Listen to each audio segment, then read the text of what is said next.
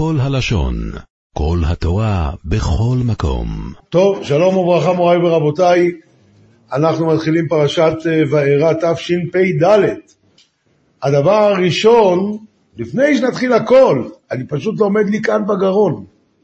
היום למדתי פרשה ואני לא יודע תשובה. תעזרו לי טובה, בואו ננסה לראות אם, יש מישהו שיכול לענות.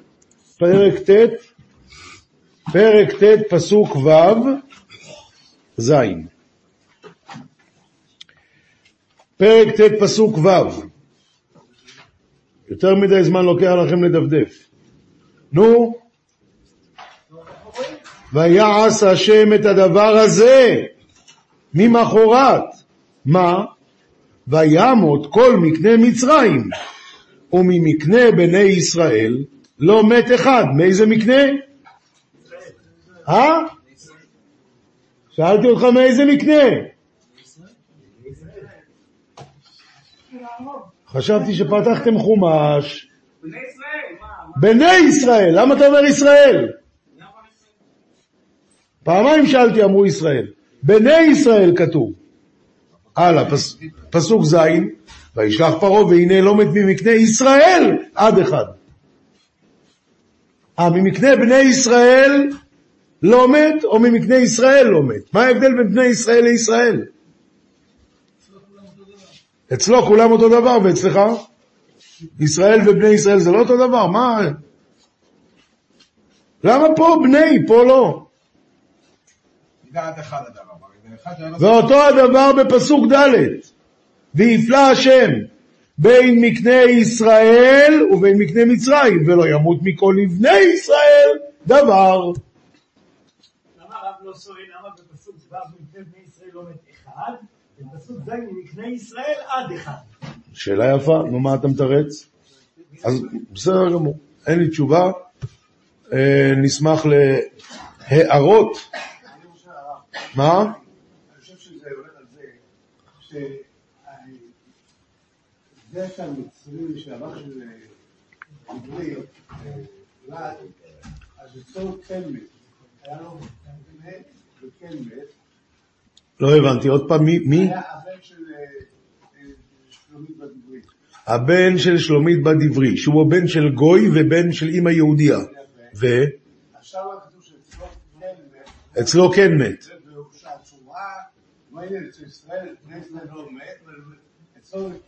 נו, אז מה? למה? בשניהם כתוב שלא מת. אבל בשניהם כתוב לא מת. לא, אולי זה האחד, האחד ואבא. אחד, כתוב לא, אחד. אחד כן מת. וזה הייתה, הנה, אתה רואה, כן, כן. כל מה שהיה אצל... ומה תענה, על פסוק ד'? דלת האור החיים הקדוש מדבר עליו. באור החיים הקדוש. כאילו, חייב להיות המקנה האמיתי של בני ישראל, ולא רק השם של ישראל קרוי עליו, שלא יבוא איזה גוי, יגיד את השלך עד שיעבור המכה. באמת. אבל אם זה ממש שלא, אז זה ההבדל בין בני ישראל לישראל? לא מבין. בסדר, עד כאן בשאלה הזאת, ואנחנו אה, עוברים הלאה, או יותר נכון מתחילים. הדבר הראשון זה כרגיל, מאז שיש לנו את הצרות הגדולות האלה, אז מדברים על עניין של חיזוק, ועל זה אני רוצה להגיד היום דבר שאולי דיברנו בעבר, מסתבר שכן, והשאלה היא, אולי מישהו יודע, אפשר לקבל על זה. שלוש נקודות. שאלה יחסית קלה. מה ההפך, אתה יודע מה? לא שואל את כולם, רק את יעקב. מה ההפך מירא שמיים?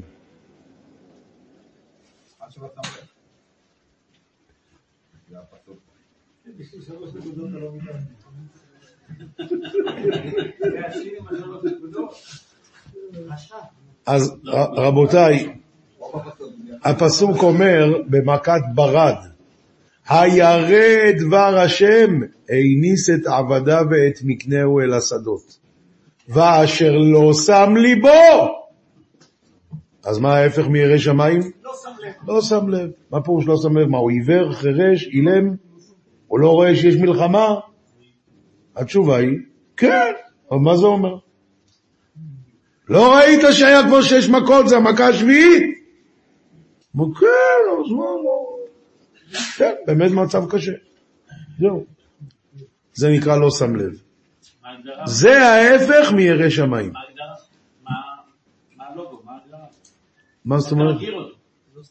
לא שם? לא שם ליבו. עכשיו אני אסביר יותר. היה פעם תנא קדוש, שאולי שמע, שמענו כולנו עליו, קוראים לו רבי עקיבא. והתנא הקדוש הזה, עד גיל 40 לא למד תורה. גיל 40, נו, הולך תתחיל ללמוד תורה, מה, אני אשב בחיידר עם כל הילדים? מה, אני לא, גם אין סיכוי, מה, גיל 40 כבר נסתם לך כל המעיינות. יום אחד הוא הלך ברחוב, הוא ראה אבן שיש לה חור, כי נוטפים עליה טיפות, טיפות, טיפות, טיפות. אמר, תשמע, אם טיפות מים יכולים לעשות חור באבן, אז התורה יכולה להיכנס גם ללב שלי. עוד ועוד ועוד זה ייכנס. מה אני הייתי עושה אם הייתי רואה את האבן הזאת עם החור? הייתי שם לב, אבל רץ הביתה להביא מצלמה. עושה פיקצ'ר, תולה בסלון. אם הייתי ישראלי מכוער, גם הייתי עושה איזה גרפיטי. שידעו שהייתי פה. זהו, מה יותר מזה? הנה יש לך תמונה, תסתכל איזה פלא פלאים, תראה איזה יופי. זה לא נקרא לשים לב. לשים לב זה נקרא להוציא מסקנה. אז מה יוצא לך מזה? עכשיו אם רבי עקיבא היה כמוני, הולך להביא מצלמה לי לעשות פיקצ'ר? לא היה לנו רבי עקיבא. לא היה לנו רבי עקיבא. אז כלפי מה הדברים אמורים? הרב שטיימן גם, גם שואל השבוע, מה זאת אומרת, בא משה רבינו אומר לו, בזאת תדע כי אני אשם. מה? הנה אני מביא לך מכת דם. נו, היה מכת דם. הוא ידע שהשם הוא השם? השם הכביד. או לא, במכת דם השם לא החביט את ליבו. אומר הרב שטיימן, השם, הוא, לא אמר לו, אתה תדע. אמר לו, "בז- אם תרצה תדע. אם תרצה, פה אתה יכול ללמוד מי אני.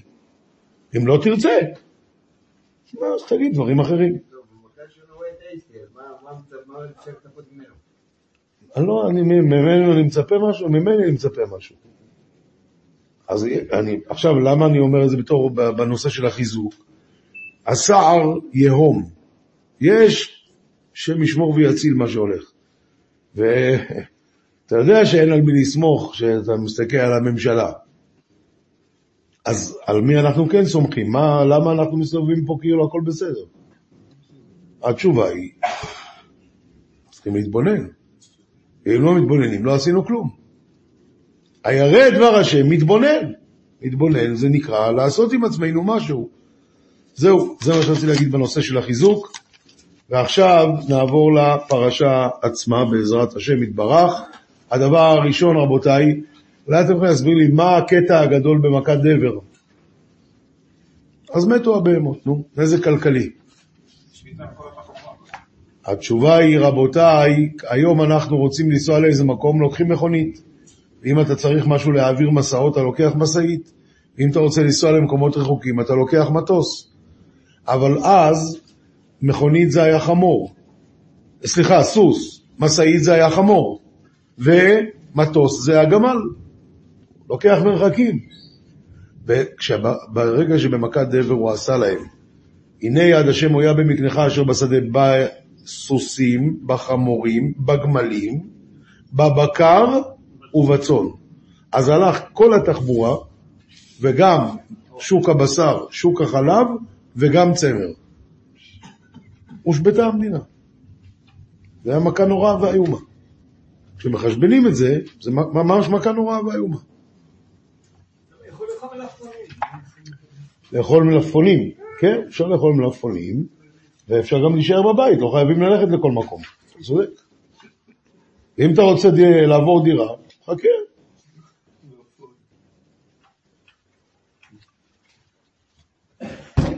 עכשיו, אה, רבותיי, הוא מתחיל את הפרשה הזו, וירא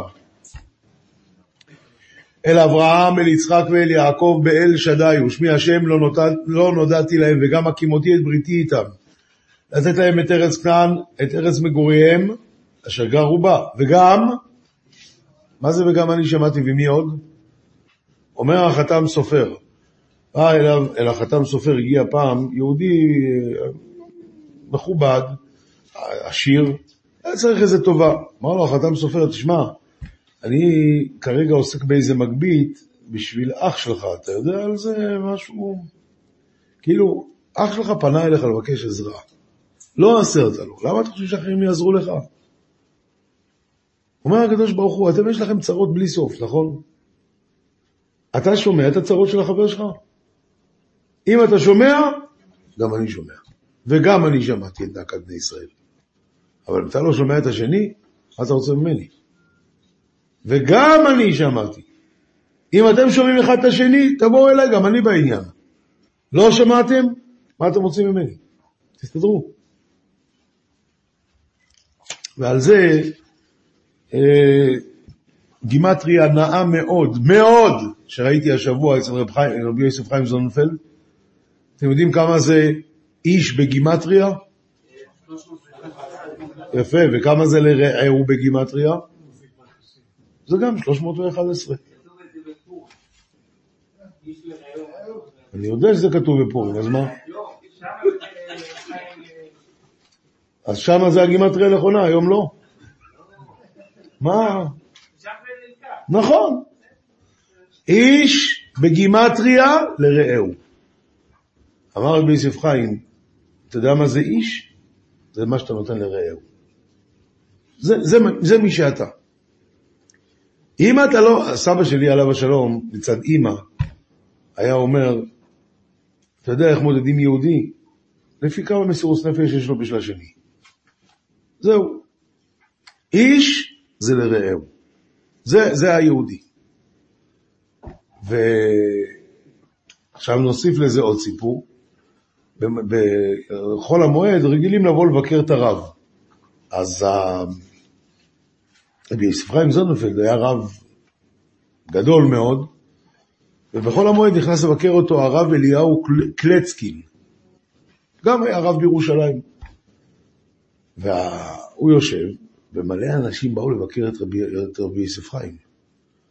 וכל אחד שנכנס, רבי יוסף חיים אומר לו, אה, אתה בטח חוזר עכשיו מהכותל. אה, לא, אתה לא חוזר, בטח אתה הולך לכותל. כל אחד, כל אחד, כל אחד. בסוף, כשהתפנה המקום, אז שאלו אותו בני הבית, מה פתאום שאלת כל אחד אם הוא הולך לכותל או חוזר מהכותל, מה? אמר לו, לא נעים, הרב קלצקי ישב פה. פחדתי שיראה שכל כך הרבה אנשים נכנסים, יהיה לו חלישות הדעת.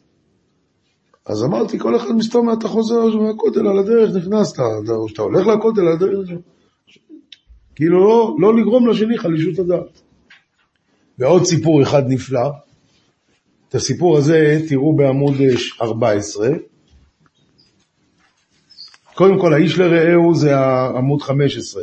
אז מה שסיפרתי עכשיו זה עמוד 13, ועכשיו עמוד 14, משהו נפלא ביותר. מספר הרב רב פסח קרון, הוא זה שמספר את הסיפור הזה, שהיה יהודי באמריקה, תלמיד חכם, שקראו לו רב לייזר, נו נראה מי יכול לקרוא את השם הזה. איך? אה, אתה גם לא יודע, בסדר. גלד? גלד ציילר? מה זה ביידיש? סופר כסף?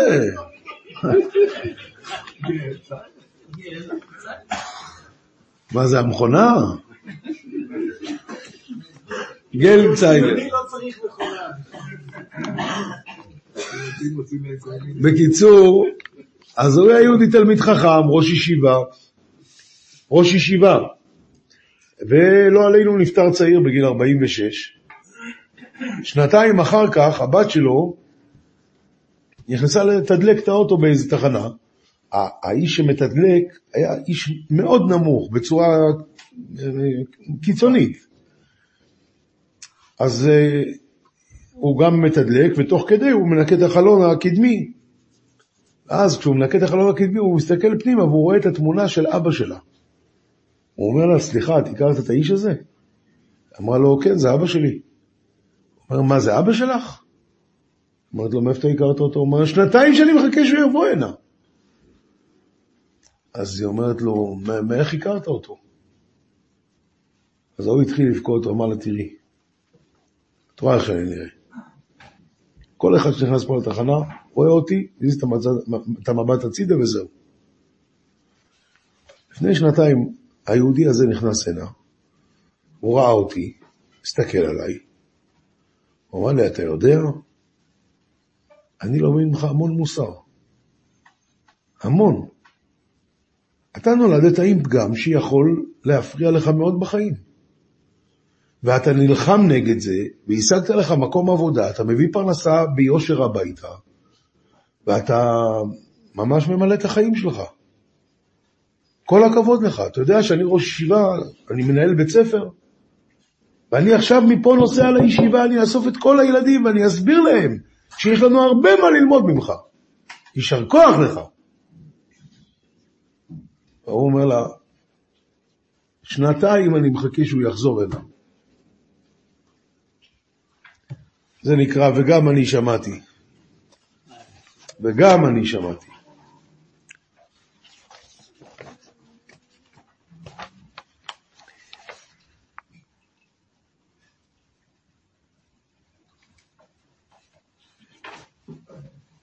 עכשיו, אה, זה הסבר אחד של חתם סופר. הסבר שני שלח לנו פה הרב בן ציון אה, סנה, דבר יפה מאוד בעמוד 17, הוא אומר שמה זה וגם אני שמעתי, הוא אומר בשם מי? בשם הבעל ישמח מוישה. הישמח מוישה אומר שגם בזמן הגאולה, הרי כתוב, אם ראית דור שהצרות מתרבות בו, צפה לו. אז מה אומרים על זה משל? הבן הולך עם אבא. אבא, מתי נגיע? אמר מותק, זה עוד שבועיים הליכה. אבא, מתי נגיע? אמר לו, אבא, תקשיב, כשתראה בית קברות, תדע שאנחנו מגיעים. כי הבית קברות הוא הרי מחוץ לעיר. אז כשתראה בית קברות, תדע שאנחנו מגיעים. ככה, אם ראית דור שהצרות מתרבות בו, חכה לו. המשיח מגיע. אז יהיה הרבה צרות. ואז מה יהיה? בני ישראל יצעקו אל השם, אומר הקדוש ברוך הוא, וגם אני שמעתי את נאקת בני ישראל, גם עכשיו וגם אז. יפה מאוד. אז הוא מוסיף שהרב בן ציון סנה מוסיף שקח את מתך והשלך לפני פרעה יהי לתנין, אז יש וורט מפורסם של רב מאיר שפירא מלובלין, כידוע שרב מאיר שפירא מלובלין עסק בחינוך, היה ראש ישיבה, אז הוא אומר ש... המקל, אתה זורק אותו, מה קורה? תנין, נחש, פחד פחדים, וינוס משה מפניו. אבל אחוז בזנבו,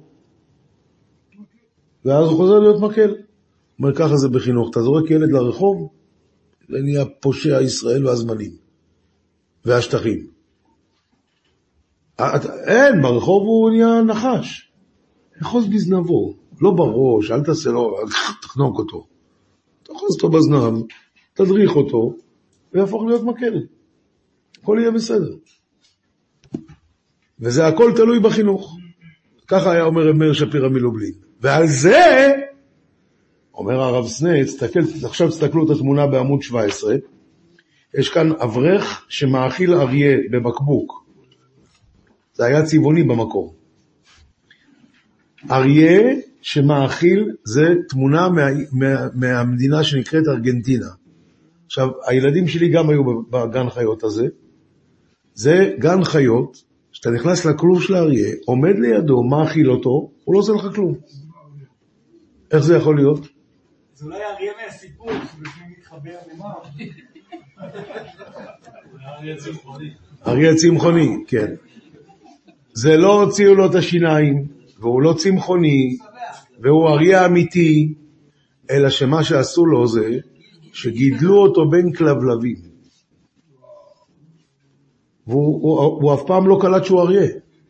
לא היה לו מי, ללמוד להיות אריה. אז הוא נשאר uh, כלב.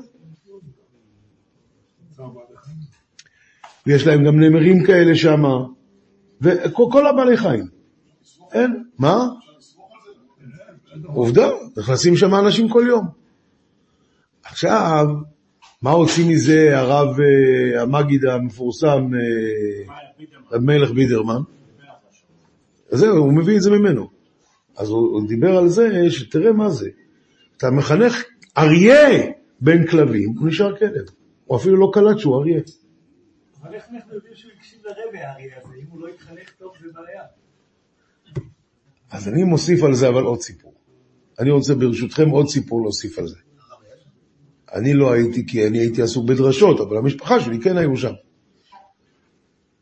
אז הופיע באחד העיתונים לפני כמה שנים, שברוסיה, שנת 2008, הרשויות גילו ילד שמדבר בציפורית. מה זאת אומרת מדבר בציפורית? ציף ציף. זה כל מה שהוא יודע לדבר. מה היה? האימא שלו גידלה אותו בבית קטן, והיה לה מלא ציפורים בבית, והיא כל היום התעסקה רק עם הציפורים, אפילו כשהיא נתנה לו לאכול, היא הייתה מדברת עם הציפורים. איתו היא לא דיברה. התוצאה, הוא, לד... הוא למד לדבר. עם הציפורים. עכשיו, הביאו אותו לרשויות, אז אתה רוצה לנסות לדבר איתו, הוא לא מבין. ואז הוא מתעצבן. כשהוא מתעצבן, מה הוא עושה? זה כל מה שהוא יודע לעשות, כמו ציפורים. אז בסדר, לקחו אותו לטיפול. אני שואל, רבותיי, למה לקחת אותו לטיפול? טוב לו. תן לו. מה אכפת לך? יש הרבה ציפורים, הרבה יותר מאשר בני אדם. אז עוד ציפור, מה הבעיה? אה? אם טוב לו ככה, שיהיה ככה. מה זאת אומרת? אתה תקבע לו מה טוב לו? שהוא יתנגד לאפרת, אמר, זה שלו מתנגד לאפרת, הוא מבקש את האפרת. כמו שציפורים מבקשים מציפורים עזרה. לא ישנה. אבל הוא לא ציפור אמיתי. אז תן לו לחיות בין ציפורים. מה אתה רוצה ממנו? לא... התשובה היא, מוריי ורבותיי, יש המון ציפורים בעולם, וזה מאוד יפה, אבל בן אדם זה לא ציפור. ובן אדם שחי כמו ציפור זה בזבוז. משל למה הדבר דומה? אחד נכנס לחברת מרצדס וביקש מכונית. אמרו לו זה חצי מיליון שקל. הוא אמר, עליי, מה הבעיה? קטן עליי חצי מיליון. הוציא חצי מיליון, קנה. אחרי שבועיים הוא נכנס, "אה, אה, חבר'ה, נתתם לי חצי מיליון שקל, לקחתם, לא נוסע, לא עובר את ה-40, אמרתם לי מגיע ל-200 תוך אה, עשר שניות. אמרו לו, מה? לא עובר את ה-40. אמר, לא עובר את ה-40. הוא לא יכול להיות, תשמע, אתה מדבר, תלונה כזאת בחיים לא שמענו. אבל בואו נבדוק את זה. לקחו אחד מהמפעל, מהגדולי הגדולי המבינים, אמרו לו, תכניס אותו לרכב, בוא נראה.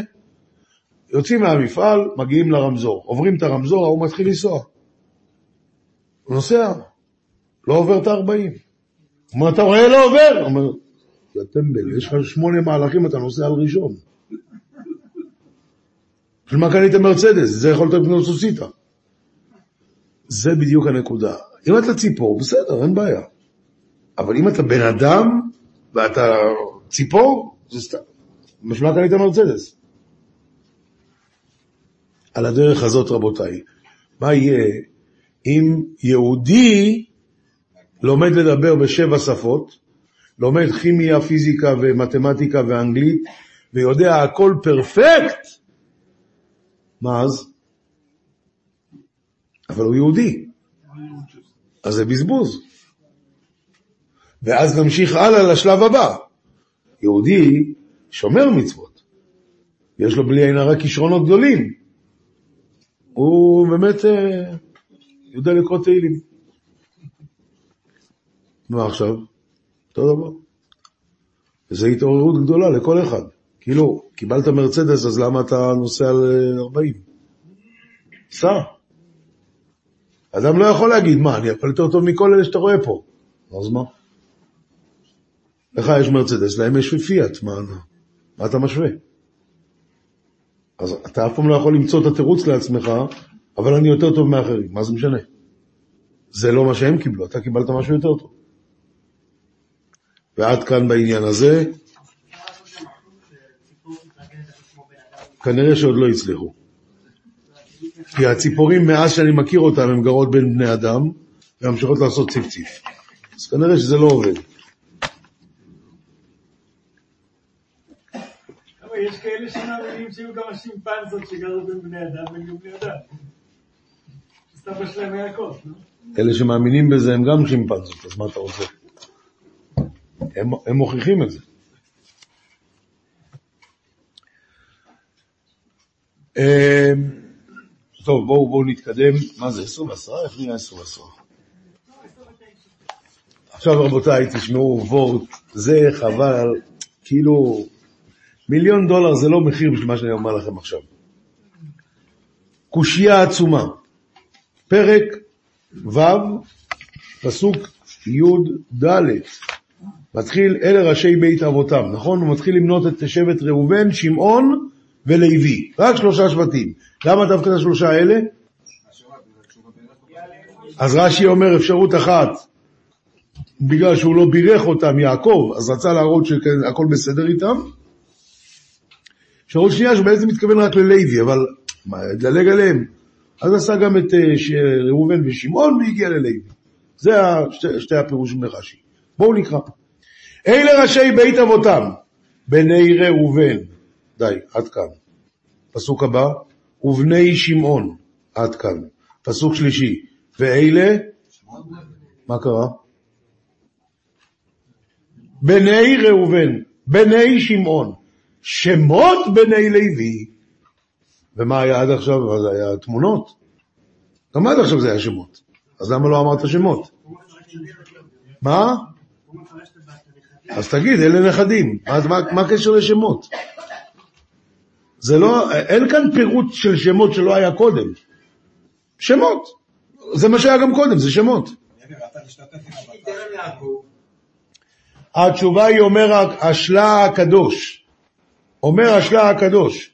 הרי לוי לא היה בשעבוד, אבל הוא רצה להיות נושא בעול. אז את הילדים שלו הוא קרא על שם השעבוד. איך קראו לילדים שלו? גרשון, גר הייתי בארץ נוכריה. קהת, על שם שקראו שיניהם מחמת השעבוד. ומררי, כמובן, המרור של השעבוד. לכן אמר, בני ראובן, בני שמעון, ואלה שמות בני לוי. שים לב לשמות. זה לא סתם שהוא קרא להם ככה, זה היה נויסה באויל. ועכשיו מגיע הוורט. אומר, אומר רבי יונתן אייבשיץ, למה שבט לוי היה פטור מהעבודה? למה פרוי העריך תרא? נור תרא. מה, הקשר לפרוי? תירוץ יפה, נכון. אבל רבי, יונתן אייבשיץ אומר, פילי פלואים, הוא אומר. פרוי ידע מהחרטומים שלו שהמושיע שבגללו הוא עושה את כל הגזרות האלה, יבוא משבט לוי. הופה, ככה? שבט לוי לא עובדים. חבר'ה, הביתה, לכו, תעשו מה שאתם רוצים. מה קרה? אמר, נוצר תאנה, יאכל, יאכל פריה. מי שלא בשיעבוד לא יכול להיות. גו- גואל. לכן הוא פטר את כל שבט לוי מהעבודה. כלומר, מפה לא יצא, אם צריך לצאת מפה, מפה לא יצא הגואל. מה הוא לא ידע? שמשה רבינו באמת לא עבד. אבל וירא בסבלותם, נתן עיניו וליבו להיות מיצר עליהם. אז הוא היה בשיעבוד. כיוון שהיה בשיעבוד, יכל להיות הגואל. אז זה מסתדר יפה גם עם השלה הקדוש על השמות בדיוק. זה בעמוד 23.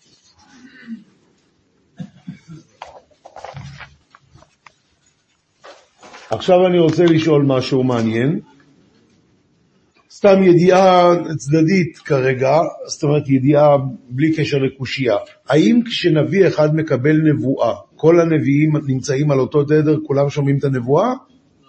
או שכל נביא יש לו תדר אחר? אתה אמרת שכל נביא יש לו תדר אחר, והוכחתך מאיפה? שנייה, הוא מדבר עכשיו, מה? סברה? מה הסברה? מה, אם ככה אז מה מה מיוחד דווקא ב... שהוא הצטווה להגיד את זה, והוא לא. ליונה הנביא הוא אמר ככה, שמע את זה גם עידו הנביא, גם נתן הנביא וגם משה רבינו. אבל רק יונה יכול לדבר את זה. מה הבעיה? כן, מה אומר כבודו? ממשיכים להתנבאות, נו, אז מה הבעיה? מה? כולם שמעו את הנבואה, אבל אסור להם להגיד את זה. אז מה השאלה? אז מה, מה הראיה? אז מה הראיה שכולם שומעים? אולי הוא- שמע שהם אומרים את מה שהם אמרו? אין לך ראיה משם. מה כתוב לנו מה הם אמרו, הם אמרו משה מת יהושע מכניס, לא? אז הוא כבר שמע את הנבואה.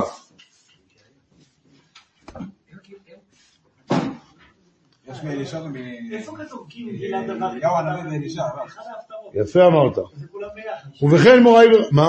מאלישע ואליהו הנביא, ששאלו אותו אם אתה יודע שכבר אה, היום יפים. יפה מאוד. רבותיי, עמוד 24, בד- בדבר הזה יש כאן כמה ראיות, והראיות שאתם אמרתם נמצאות כאן. למשל, הוא אומר, במדרש דברים, פרשת ט' אות ה', כתוב, קרא, קרא את יהושע, אמר לפניו, ריבונו של עולם, ייטול יהושע ארכי, ארכי שלי, ואהיה חי. אמר משה רבנו, תן לו, תן לו את הממשלה, אני, אני רק רוצה לחיות. אמר הקדוש ברוך הוא, עשה לו כדרך שהוא עושה לך. מיד השכים משה והלך לשמאלו של יהושע. הוא הלך איתו בדרך והלך לשמאלו כאילו התלמיד שלו. נכנסו לאוהל מועד, ירד עמוד הענן והפסיק ביניהם. משנסתלק עמוד הענן, הלך משה אצל יהושע ואמר לו, מה אמר לך הדיבור? אמר לו יהושע, כשהיה הדיבור נגלה עליך, יודע הייתי מה הוא מדבר עמך? למה אתה שואל שאלות כאלה? באותה שעה צעק משה ואמר מאה מיטות ולא קנאה אחת. עד כאן המדרש. שכולם, כולם שואלים, למה יהושע ענק בכזה מין אה, תקיפות? למה... אתה, שאלתי אותך, מה, מה, מה, למה ככה? ויש כאלה שמתרצים שיהושע לא אמר לו, שהוא שאל אותך, אמר, לי, אמר לך, אז שאלתי אותך, מה? לא, לא ככה. אמר לו, כשאתה היית מקבל את הנבואה, גם אני שמעתי. לא שאלתי אותך. אם אתה לא שמעת, כנראה שהשם לא רוצה שתשמע. ולמדנו שהנבואה, כשהיא ניתנת, היא ניתנת לכל הנביאים בשווה. עוד ראיה, האדמו"ר מגור, לא. לא משנה, אני מתכוון, כולם יודעים את הנבואה. האדמו"ר, האדמו"ר, הראם מגור, מי זה הראם? הראם זה, הרב מורדכי, זה, זה שהיה פה בארץ אחרי השואה, האם רמז. אז הוא, הוא אומר, כן, זה מה שאמרתי עכשיו, זה הוא אומר, סליחה. זה מה שאמרתי עכשיו, זה הוא אומר, ויש עוד ראיה, אה, בסנהדרין פרק אה, פט עמוד ב', מי מתרה בנביא שיקיים את הנבואה שנאמרה לו? התשובה היא חבריו של הנביא. מנין הם יודעים שהקדוש ברוך הוא ציווה לנביא? עומר רבי, דכתיב כי לא יעשה השם אלוקים דבר, כי אם גלה את סודו לעבדיו הנביאים. אז אתה רואה שכולם שומעים ביחד. בקיצור, אם זה, עכשיו, אני, אני מודע לזה שגם יש אחרים שאומרים אחרת. אבל על כל פנים, פה יש לנו ראיות שכן. ועכשיו אני שואל, אני שואל בפרק ז' פסוק ב', בואו תסתכלו בפנים. פרק ז' פסוק ב', אתה תדבר את כל אשר אצווך, ואהרון אחיך ידבר אל פרעה ושילח את בני ישראל מארצו. אומר רש"י, אתה תדבר פעם אחת כל שליחות ושליחות כפי ששמעת מפי, ואהרון אחיך ימליצנו ויתאימנו באוזני פרעה. את מי הוא ימליצנו ויתאימנו? הדברים של משה. את הדברים של משה. ואני שואל, למה הוא צריך לה- לה- להסביר את הדברים של משה? הוא, שמע את אותו דבר. לא, אבל זה לא בהכרח שכולם שומעים את זה באותו... אתה. צודק, משה רבינו הרי הדרגה הכי... משה הדרגה הכי גבוהה של הנבואה, אבל בסוף. אותם דברים שהוא שמע, הוא שמע באספקלריה. בדיוק, באספקלריה המהירה, לא מהירה, הוא ראה את זה בפירוש, הוא ראה את זה בחידות. ברור שהתוצאה היא אותה תוצאה, כי אחרת חס וחלילה זה לא נביאי אמת. ומי אמר שהוא שהוא- שהוא צריך לשמוע ממשה ואז להגיד? זה מה שממש מרש"י. לא, אבל כך כתוב, אתה תדבר, ואהרון אחיך ימליצנו ויתאימנו, את מה? שהם יודעים, הוא ידבר, הוא רק ימליץ, בלי לשמוע. המשמעות היא שהוא, את מה שמשה רבינו אומר, הוא צריך לתרגם. למה את מה שמשה רבינו אמר? רק כמו יהושע, רב. כי זה אותו רק דבר. משה רבנו שם. זה אותו דבר, מה זה שהוא נבואה שמע, מה שהוא יודע, אותו דבר. הקדוש ברוך הוא לא.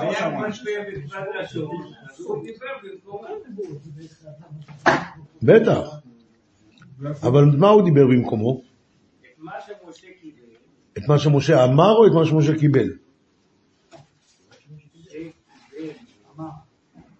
הוא הבין את את- את משה. זה מה שאני שואל, למה הוא צריך להבין את משה? הוא הרי יודע מה משה הולך... אני מבין, אבל אני שואל למה הוא צריך לתרגם את מה שמשה רבינו אמר. הוא יכול להגיד את זה בעצמו. משה רבינו יגיד את מה שהשם אמר לו. אבל אחרי זה אהרון יתרגם, כי הוא יודע את זה מעצמו, הוא לא צריך לתרגם את מה שמשה רבינו אמר. בעמוס כתוב כי לא יעשה השם דבר כי אם גילה את לא, סליחה שנייה, זה לא תרגום של מילולי. הוא אומר, לא, ימליצנו ויטעימנו. הוא יסביר, הוא לא מתרגם.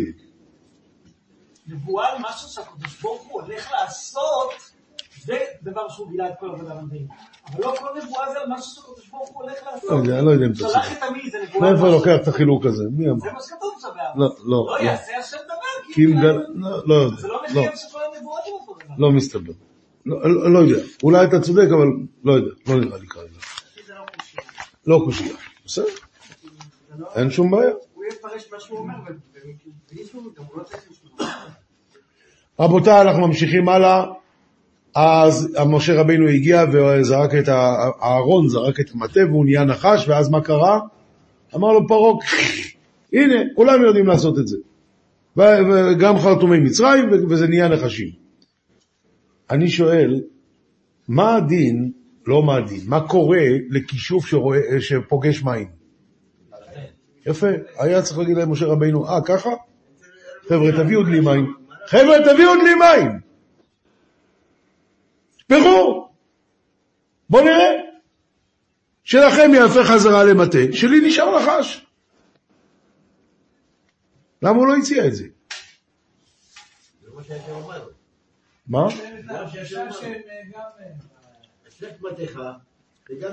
כשרב מורדכי פוגרמנסקי היה ילד קטן, המלמד שאל את זה בחיידר. אמר, אז הוא קפץ, רב מורדכי פוגרמנסקי, והוא אמר לו, כי אם הוא היה עושה את זה וזה היה עובד, אז מה היה קורה? שלהם היה נהפך להיות חזרה לקרשים, ושלו היה נשאר נחש. היה אומר לו פרעה, אה, סליחה, זה התחיל התהליך הפוך, לקחת נחש, הפכת אותו למטה, ופה הפכת אותו חזרה לנחש. לא חוכמה. הבנת? של משה רבינו היה נשאר נחש, כי זה נחש אמיתי. זה לא קסם, זה לא כישוף. אבל מה פרעה היה אומר? פרעה היה אומר, אה, אז אתה לקחת לכתחילה, לקחת נחש, עשית ממנו קרש, פה הפכת אותו לחזרה לנחש, זה אמיתי עכשיו, אבל זה לא ראייה.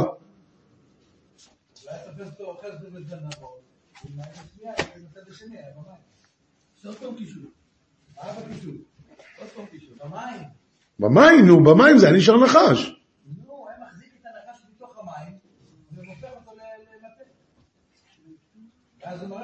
מה, לפרעה היה בריכה ב... אני עובד ואני עשיתי. ויקרא גם פרעה לחכמים ולמחשבים ויעשו גם הם חרטומי מצרים בלהטיהם. כן, אז מספרים שבבריסק, מה, מה שאמרתי מקודם? כן, בעמוד 30. בבריסק היה פעם גביר גדול, קמצן נורא ואיום, לא היה מסוגל להוציא, אני רוצה להגיד לכם משהו, כשאומרים על מישהו קמצן, זה לא קללה, זה מחלה. זה ממש מחלה. בן אדם שלא מסוגל להוציא, לא מסוגל. זה, זה רחמנות על בן אדם כזה. נכון, אחרים סובלים מזה, אבל, אבל אצלו, זה, גם הוא סובל, זה ממש מחלה. יש בזה גם מעלות. אני פעם אמרתי לאיזה גביר גדול שהיה קמצן ואכל לחם עם מרגרינה כל החיים שלו. פעם היה אצלו איזה גניבה גדולה והוא באמת מצטער. אמרתי לו, אתה לא צריך להצטער. עד עכשיו אכלת לחם עם מרגרינה כל החיים, ומסתם תוכל להמשיך גם להישאר חי וכל הדברים, לא קרה כלום. כל הלשון, אתם שומעים רבותיי? אז, ה... אז היה בבריסק הקמצן נורא ואיום, ממש מסכן. לא היה מסוגל להוציא גרוש. ויום אחד הוא דיבר עם הבית הלוי, אה, היה איזה אירוע, הוא ישב ליד הבית הלוי, הוא אמר לו, אני לא יודע, כל הדיבורים האלה שכתוב בתורה, לת- להתיהם, לתיהם, מה, מה, לקחו נחש, הפכו אותו למטה, דברים לא, לא מוזרים לי, לא, לא מקובל. אמר לו הבייס הלוי, למה? אני גם יכול לעשות מופתים כאלה. אמר לו, באמת? אמר, כן. אמר לו, אני רוצה לראות, הוא אומר, תראה, בתנאי אחד, תוציא עכשיו, עכשיו, 400 דולר מהכיס, 400 דולר של אז זה קצת הרבה כסף, ותשים אותו בארבע קצוות השולחן. אם אני מראה לך את המופת, זה הולך לצדקה. איך ששמע את זה, כבר עבר לו כל החשק לראות את המופתים, אבל לא היה לו נעים כבר, אז הוא אמר, אה, טוב, בסדר. מה, אני אראה לך את המופת. הארבע שטרות האלה, אני אוציא שלוש מילים מהפה, והם ייכנסו לתוך הקערה במרכז השולחן. אבל אז הכל הולך לצדקה. הוא אמר לו, נו. אז, הוא- אז הבייס הלוי אמר לו, תסתכל טוב, חיים, שים בתוך הקערה. ארבע מילים. תוך שנייה, רב חיים בריסקר, שהיה ילד, לקח את הארבע שטרות, שם אותם בקערה, ראית? זהו, תביא את זה לצדקה. אמר לו, לא, אבל זה לא מופת. אמר לו, למה להוציא ממך 400 דולר לצדקה זה לא מופת?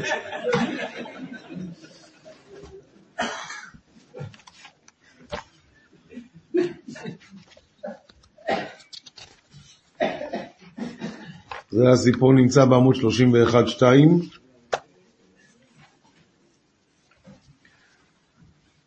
כן, עכשיו השאלה הגדולה היא, בשביל מה הקדוש ברוך הוא שלח את משה רבינו לעשות כל המופתים האלה? מה זה נותן? פרעה לא השתכנע, וכשהוא כבר יכל להשתכנע אז הוא הכביד לו את הלב. אז מה כל המשחק הזה? התשובה היא, ללמד אותנו אמונה, נכון. אמר על זה המגיד מלובלין, אמר על זה דבר נפלא. אמר, היה פעם איש אה, תמים, אה, כפרי כזה, נכנס לארמון גדול של איזה גביר, והוא כולו באיזה מנורות, איזה זה, והוא מסתובב ככה, ממש אה, ב- ב- ב- אה, פחד ואימו. ואז הוא ניגש לאחד המשרתים שם, אומר לו, סליחה, מי פה הבעל הבית? אז המשרת הזה ראה כזה אחד תמים, אמר לו, אני. אמר לו, אתה הבעל הבית. יואו, ואיפה הזקת את המנורה הזאת? ואיך עשית את זה? והוא מענה לו, מבסוט בעצמו. פתאום מרגיש מכה על האור, טח. עוף מפה. אל תאמין לו, אני הבעל הבית. זה מה שהקדוש ברוך הוא עשה במצרים. אחרי שפרוש הגיע להם את השכל 200 שנה, אני הבעל הבית, בא הקדוש ברוך הוא, תפס אותו בצוואר, העיף אותו הצידה ואמר, חבר'ה, זה אני הבעל הבית. זה מה שהוא עשה במצרים. דם, צפרדע, הכל זה, בש... אני, זה אני הבעל הבית. זה הכל.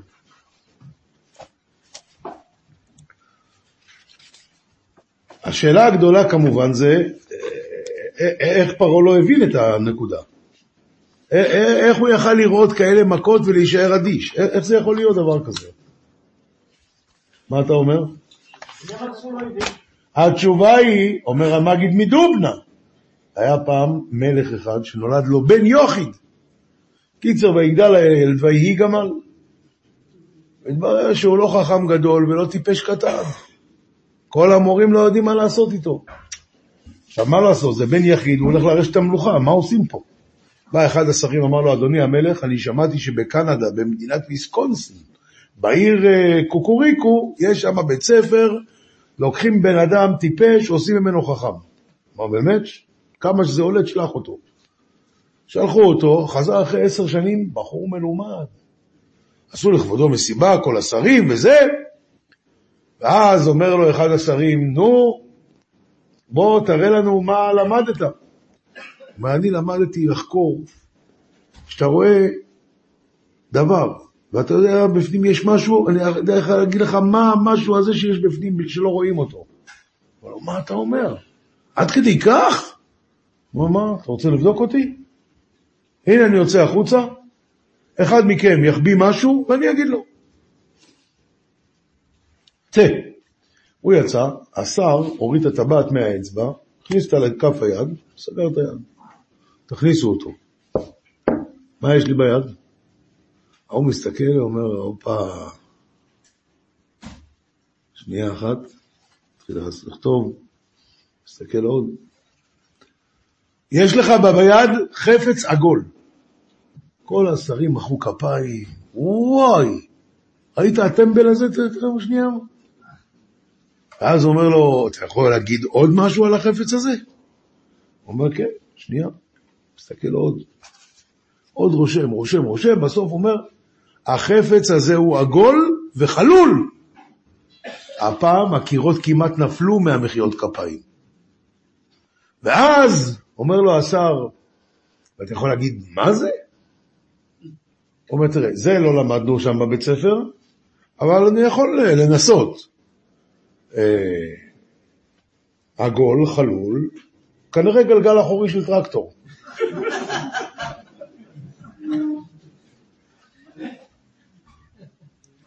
טמבל, נשאר טמבל. זה פרעה. מה ראית? משמע, זה היה מכת דם, משהו, משהו. מה עם הצפרדע? חזק מאוד. מה, מה המסקנה? אני אלוהים. זהו. טמבל, נשאר טמבל.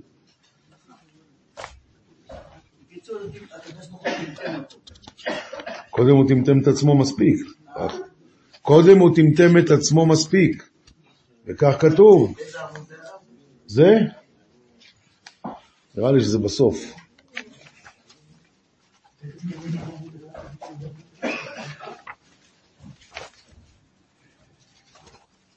כן, בעמוד 68.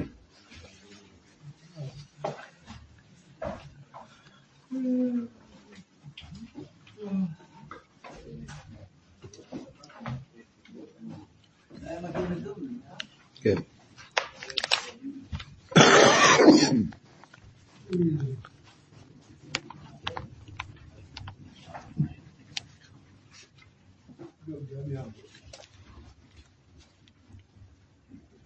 רבותיי, בעמוד 44 יש זוהר.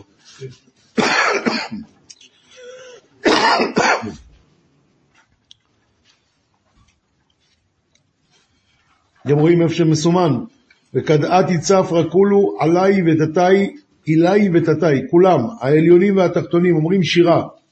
וישראל, וישראל הם מלמטה, דכתיב המזכירים את השם, אל דומי לכם. אומרים שירה, אל תפסיקו. אל דומי לכם לטאטה דייקה. טוב. ואז, מה קרה במצרים? פרעה העביד אותם, הם לא יכלו להגיד שירה, וכשהם לא יכלו להגיד שירה אז היה חסר. ועל זה אומר הזוהר, הוא, ועל דא, איפה הסימון האחרון שורה מעל זה? ועל דא, איתקרלון קודשא בריחו במצרים, וסליק על פרעה אילן, דלא משתכחי יממה וליליה, ומנעילון, ורדעניה דקלון לא משתכח תדיר בגין דאיתקף בעמא קדישא, דלא משתכח יממה וליליה לשבח על הקודשא בריחו. אומר הזוהר הקדוש, למה הביא עליהם את הצפרדעים? אתם מנעתם מעם ישראל לשבח אותי, אז אתם עכשיו תקבלו צפרדעים שהם כל היום וכל הלילה מקרקרים. למה? כי אתם לא נתתם לעם, ישראל לשבח אותי בבוקר ובלילה, כפי שעם ישראל נוהג ללכת לבית כנסת ולהלל את הקדוש ברוך הוא. דבר נוסף, מה היה הבכי הגדול של רחל אמנו? אומר הזוהר, עמוד 45, זוהר פרשת וארא. ואז זה מתחיל למעלה, כתוב רחל מבכה על בניה, וכאן ההמשך. וקודשא בריחו אמר, אנט בחת בגין ההוא צדיקאיה דלא תיהבי בעדוויה דהוא רשע, חייך, אך תחתקום בפרשת ארכיל ותבכי על גלות הון דישראל. אתם שומעים? לאה בכתה שהיא לא תיפול בידיים של הרשע. אחותה על מה בכתה? על עם ישראל, על הגלות שלהם, כלומר רחל. והיא, ואת תקום לגו ולא תבכי עליי הוא. את לא תצטרכי לבכות על הילדים שלך. ורחל היא בכת על גלותון דישראל. בהמשך הוא אומר, ובגין כך, קודש אבריחו גרם לן קלה למצרים. למה הוא עשה להם קולות, את הצפרדעים? דכתיב והייתה צעקה, אה, זה כבר לא על זה, והייתה צעקה בכל ארץ מצרים אשר כמוהו לא נהייתה. וזמין לנקלין אחרנין באילון אורדעניה, הצפרדעים, דרמן קלין במאיו. עשו להם קולות בתוך הבטן, ואהבו נפלי בשוקי כמתים, המצרים. וכל זה למה? כי הם גרמו לרחל אמנו לבכות. רחל מבכה על בניה בגלות, ולכן הגיע להם הצפרדעים. הם הגרמו לרחל לבכות על הגלות.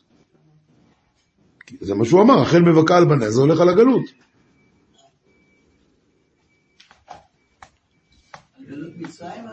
עכשיו מה כתוב?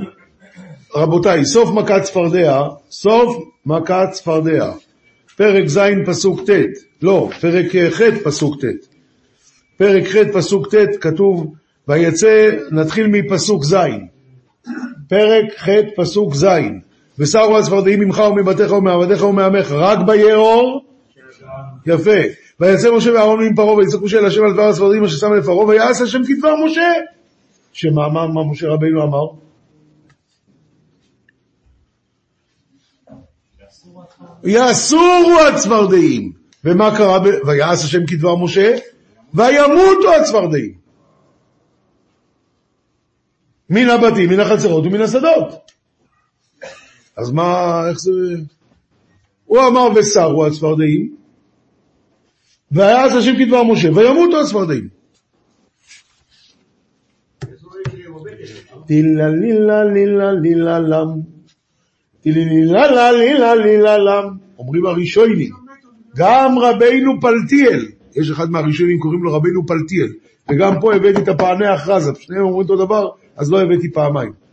אומר הפענח רזה, היה הצפרדעים בכל מקום, אבל כולל בקישקס שלהם. עכשיו אתה יודע מה קורה, בשר מקולקל בתוך הבטן?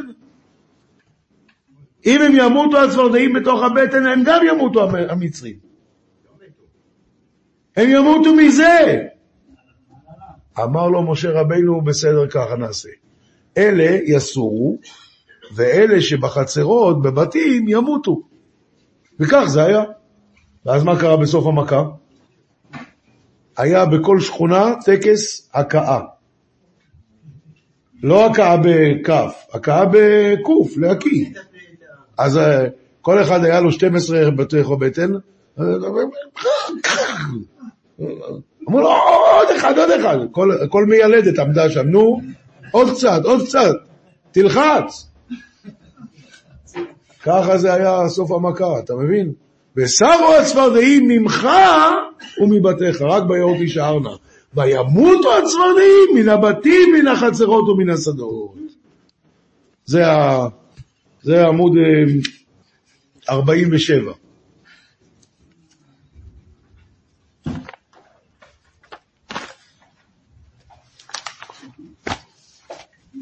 אמר הקדוש ברוך הוא למשה, אמור אל אהרון את מתך ואך את עפר הארץ. למה שאהרון יעשה את זה ולא משה? כי יש לו הכרת הטוב. מה הכרת הטוב שמה? שהוא כיסה לו את המצרי, יישר כוח. כמה זמן זה עזר למשה רבינו זה שהוא כיסה לו את המצרי? עד למחרת. כי למחרת הם הלכו להלשין עליו לפרעה. על האורגליה אתה אומר שהרגת את המצרי. אז כמה הכרת הטוב יש לו? רואים מפה שגם להרגיע בן אדם ל-12 שעות, גם על זה חייבים הכרת הטוב, וגם זה נקרא מצווה. גם אם זה לתקופה קצרה. כך אומר הרב מוישה שטרנבוך, ואנחנו עוברים... מה? הם ראו את זה. לא ראה את זה אף מצרי. ועכשיו רבותיי, לשלב הבא, מכת קינים. זה מכה מאוד מעניינת, כי כל המכות נגמרו חוץ מהמכה הזאת כידוע. לא שמעת על זה? עד היום יש מכת קינים. כל כיתה. אבל לא, סתם. המכת קינים המקורית אה, זה לא מה שיש היום. עכשיו אני... עכשיו, במכת קינים, האם גם אצל עם ישראל היה מכת קינים? כן, ולא הדליק להם. אבל כן ולא הזיק להם. כן, ו- איך זה לא הזיק להם? אבל איך זה לא הזיק? אתה עומד על קינים?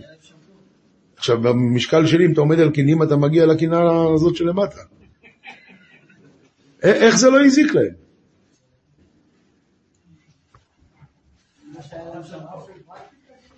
אה?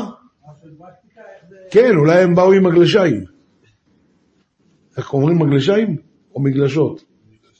לא, זה ששמים בסקי. מגלשי שלג, אולי הם באו עם זה. רבותיי, חידוש עצום ונורא. אומר הרב הכלי יקר, ולא פה, אלא בפרשת יתרו. שם כתוב, ואשא אתכם על כנפי נשרים, ואביא אתכם אליי, אומר הכלי יקר, במכת קינים, הקדוש ברוך הוא, ואשא אתכם על כנפי נשרים, הרמתי אתכם מהארץ, שזה לא יזיק לכם. ומה עם מכת ברד? אומר, אז ואביא אתכם אליי, יותר גבוה, מעל השמיים, כדי שלא יזיק לכם הברד. שמעת? זה בעמוד 56, תראה בפנים. כלי יקר. יש אומרים, אתם ראיתם את אשר עשיתי למצרים, היינו המכות, כי בזמן שבאו המכות מן הארץ, דם קינים וכיוצא בהם, אז ואשא אתכם על כנפי נשרים, שלא תנזקו בהם, כאילו הגבלתי אתכם מן הארץ. ואחר כך כשבאו המכות מן השמיים, אש וברד, אז ואביא אתכם אליי, להגביה אתכם למעלה מן המערכה. סליחה? נכון, זה לא יונתן מנוזי, כן, יונתן מנוזי. פרק ח' פסוק ט"ז, אומר הקדוש ברוך הוא למשה רבינו, ויאמר השם אל משה, השכם בבוקר והתייצב לפני פרעה. זה לא הולך על ח' ט"ז, זה הולך על קודם. לפני מכת דם, כתוב, הנה יוצא המימה. מה אומר רש"י? למה הוא יוצא המימה? להתפנות, לנקביו. למה? שהוא מכר להם סיפור שהוא אלוה. אלוה לא צריך להתפנות. אז הוא היה מתאפק כל היום, ובבוקר, כשהוא היה הולך ליאור, היה לו איזה שתי סיבות, אחד על פי הניגלה ואחד על פי הניסטר. בניגלה הוא הלך להשקות את השדות, ובניסטר הוא... איך הוא אמר? לי יאורי ואני עשיתיני, זה היה נכון. אני עשיתי את היאור. רבותיי, אני לא מבין את המצרים האלה. היה להם משהו חסר ב- באיזה בורג או שניים לפחות. כי מה אתה אומר לו? בוא'נה, אתה אלוהים? אז איך אתה צריך להתפנות? הוא לא, לא, אני לא צריך להתפנות. בסדר, אז הוא לא צריך להתפנות. אתה אלוהים? אז למה אתה צריך לאכול? אתה אלוהים? למה אתה צריך לישון? כאילו, בדיוק הקטע הזה הפריע. הרי שאר הדברים לא דיברו על זה. הוא לא אמר אני לא אוכל, הוא לא אמר אני לא ישן, הוא לא אמר אני לא... לא, זה הכל בסדר. אותו דבר עם, עם הכבש. הם עבדו לטלה. מה הטלה? ראית פעם טלה מת? בטח שהוא רע. לא שחטו טלאים, אז הם מתו. אז מה הסיפור שלך בכלל? מה? אם אתה שם לי בקבוק, אתה אומר, זה אלוהים. בסדר, זה אלוהים. תרצה, לא תרצה, זה האלוהים. מה? למה? קח את השמש. פסלים, כן, הנה, זה האלוהים. גמרנו. מה בראתי את זה? לא, אבל כאן הם כן שאלו שאלות. למה אתה צריך להתפנות? אז מה לא, אני לא צריך להתפנות. אז הוא להתפנות בסתר. נו, ושאר הדברים מה? כך שואל רבותיי, הרב שטיינמן בעמוד 57, לא חיסרון, לא, שצריכים לאכול זה לא חיסרון.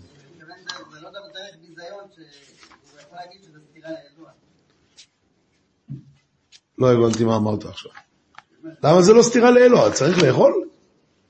צריך לישון? כן.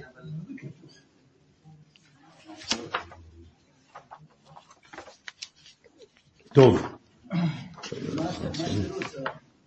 אין תירוץ. אני צריך לתרץ את פרעה? לא, לא, לא.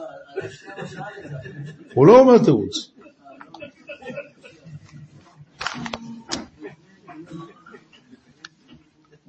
הרב עכשיו להסביר לפי הגמרא שאומרת, קצת בא לאחד מהמורה ואמר לו, מחצך ומעלה הורוביק, מחצי ומטה ההורוביק. כן, אז אני חושב שזה קשור לזה, אבל עדיין לא... לא... הלאה. רבותיי, רבותיי, בעוד קטע בזוהר, אבל לפני כן אני רוצה לשאול, כתוב ב"אז ישיר", שמעו עמים ירגזון, חיל אחז יושבי פלשת, ממה הם נבהלו? אז נבהלו אלופי אדום, ממה? מקריאת ים סוף, ככה הבנו עד היום. וכך באמת כתוב ברש"י. מה אומר? כן. זה- עם סימן שאלה בסוף. זה עם סימן שאלה. מה, אני צריך לאכול? מה, אני רעב? בקשתי ממך קורבנות כי אני רעב? זה, זה עם סימן שאלה, זה לא אה, סימן קריאה. כן. עכשיו רבותיי, שימו לב, עמוד 64 בזוהר, ובא קודשא בריחו דאיתייקר שמי בארעא כמה דאי הוא יקירא לעילה. רצה הקדוש ברוך הוא שיתייקר שמו בעולם, יתכבד שמו בעולם, כמו שיש לו כבוד בעולם העליון. כיוון דאלו, דאלוהי, אה, סליחה, דאלקילי ולעמי, עתה ואודי לי לקודשא בריחו, דכתיב השם הצדיק. מה עשה הקדוש ברוך הוא כדי שיתכבד שמו בעולם? אז הוא לקח על כלי ולעמי, הוא הרביץ לו ולפ... ולעמו, לפרעה ולעמו, ואז הוא בא והודה לפני הקדוש ברוך הוא, השם הצדיק. אי יהודיה ומלכה קורפינוס דכל עלמא. הוא הפרוי הזה שהיה הביידן של העולם. לא ביידן, שמיידן. סופר אה, דופר, הכי גדול. כיוון דאי הוא עודי, כל שאר מלכינת עוד הוא נכתיב, אז נבהלו אלופי אדום. ממה הם נבהלו? אמרו, בואי נגיד, אם פרעה כבר השתחווה, נגמר, הלך עלינו. אם הוא, זהו, נגמר. כנראה הוא היה ממש קורפינוס. קורפינוס אמיתי.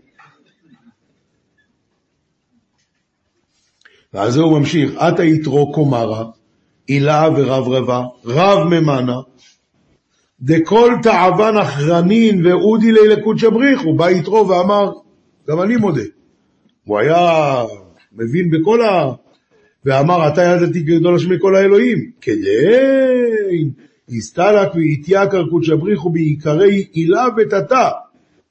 ולבתר יעבור הייתה, אז אחרי זה הוא כבר נתן את התורה כי כבר היה כבודו בעולם, דשלטנו, דשלטנו על כולה, אמר רבי שמואל לרבי אלעזר ברי, על, ד- על דא כתיב, יודוך עמים אלוהים, יודוך עמים כולם.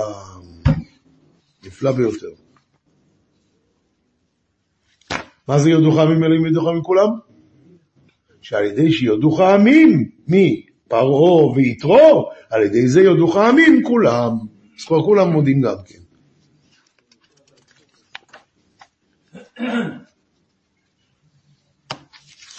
טוב, אני מודה לכם מאוד על השתתפותכם בשמחתנו, ויהי רצון שנשמע בקרוב בשורות טובות ממש. עולם שלם של תוכן מחכה לך בכל הלשון, 03 617 1111